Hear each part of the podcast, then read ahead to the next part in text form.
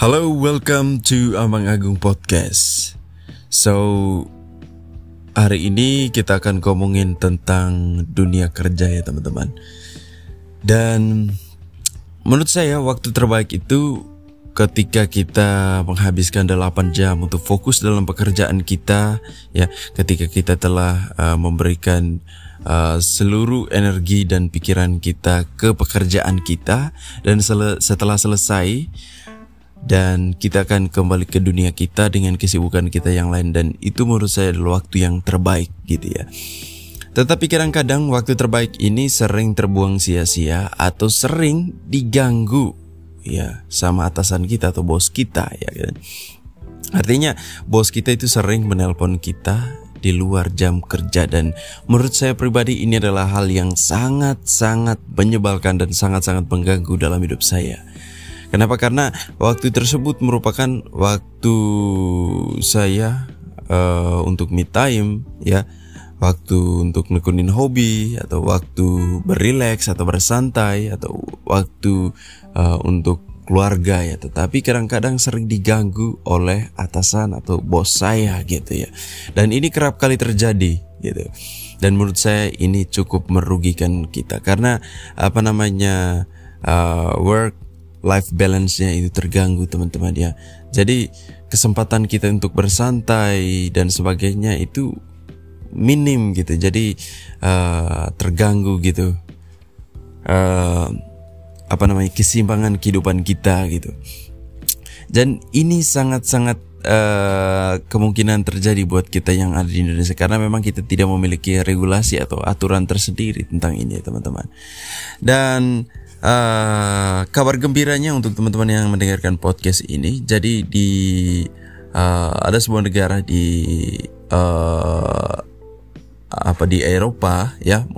Teman-teman pasti tahu uh, negara lahirnya Cristiano Ronaldo. Jadi di Portugal pada uh, 5 November 2021 lalu jadi dikeluarkan sebuah undang-undang uh, tentang ketenaga kerjaan ya di mana undang-undang itu berisi tentang uh, bahwa uh, adanya aturan ya adanya aturan yang melarang bos atau atasan kita ya menghubungi pekerja di luar jam kerja. Jadi uh, tujuan dari undang-undang yang dibuat ini adalah untuk melindungi para pekerja agar mereka tetap uh, apa namanya agar mereka tetap menjalankan kehidupan mereka gitu dengan baik atau work life balance mereka itu tetap terjaga ya. Supaya uh, pekerja juga memiliki apa namanya memiliki kehidupan yang lebih baik gitu ya memiliki waktu yang berkualitas dengan keluarga jadi ya, kalau kita lihat di Indonesia saat ini, ya, saya berkaca dari pengalaman saya sendiri juga, memang ini sangat-sangat mungkin terjadi dan bahkan sering kali terjadi dalam hidup saya. Ketika saya pulang kerja, ya, belum sampai rumah atau bahkan sampai rumah mau tidur, mau istirahat dan sebagainya, tiba-tiba telepon untuk lembur dan sebagainya karena ada teman yang nggak datang dan sebagainya alasannya. Dan ini sering kali saya ter, uh, salami dalam hidup saya.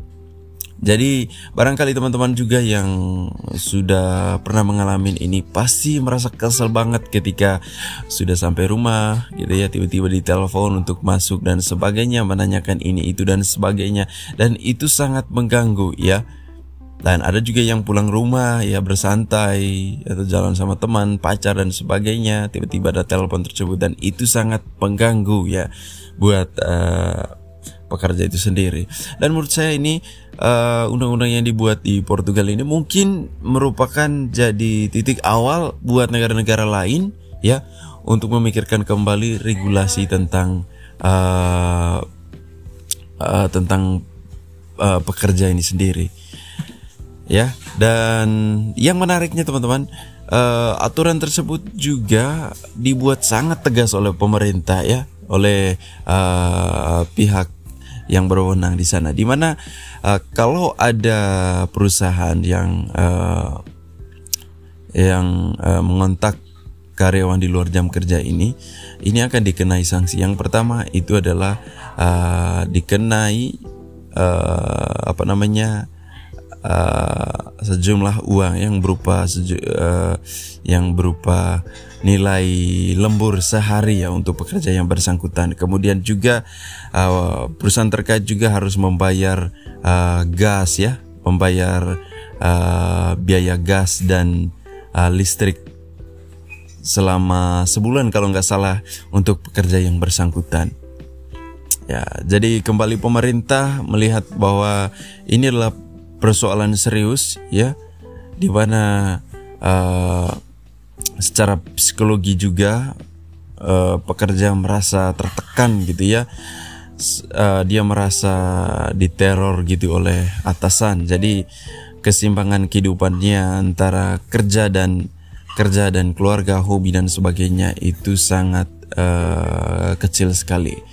Itulah yang diperhatikan oleh uh, pemerintah di sana dan saya harap sebagai pekerja uh, sebagai warga negara Indonesia juga ini juga menjadi masalah krusial di Indonesia dan kerap kali terjadi dan sering kali terjadi. Jadi mohon juga untuk pemerintah Indonesia juga bisa memikirkan hal ini dengan matang agar uh, terjadinya keseimbangan hidup uh, bagi karyawan atau pekerja yang ada di Indonesia. So itu saja podcast hari ini. Thank you for listening to me and see you on the next podcast.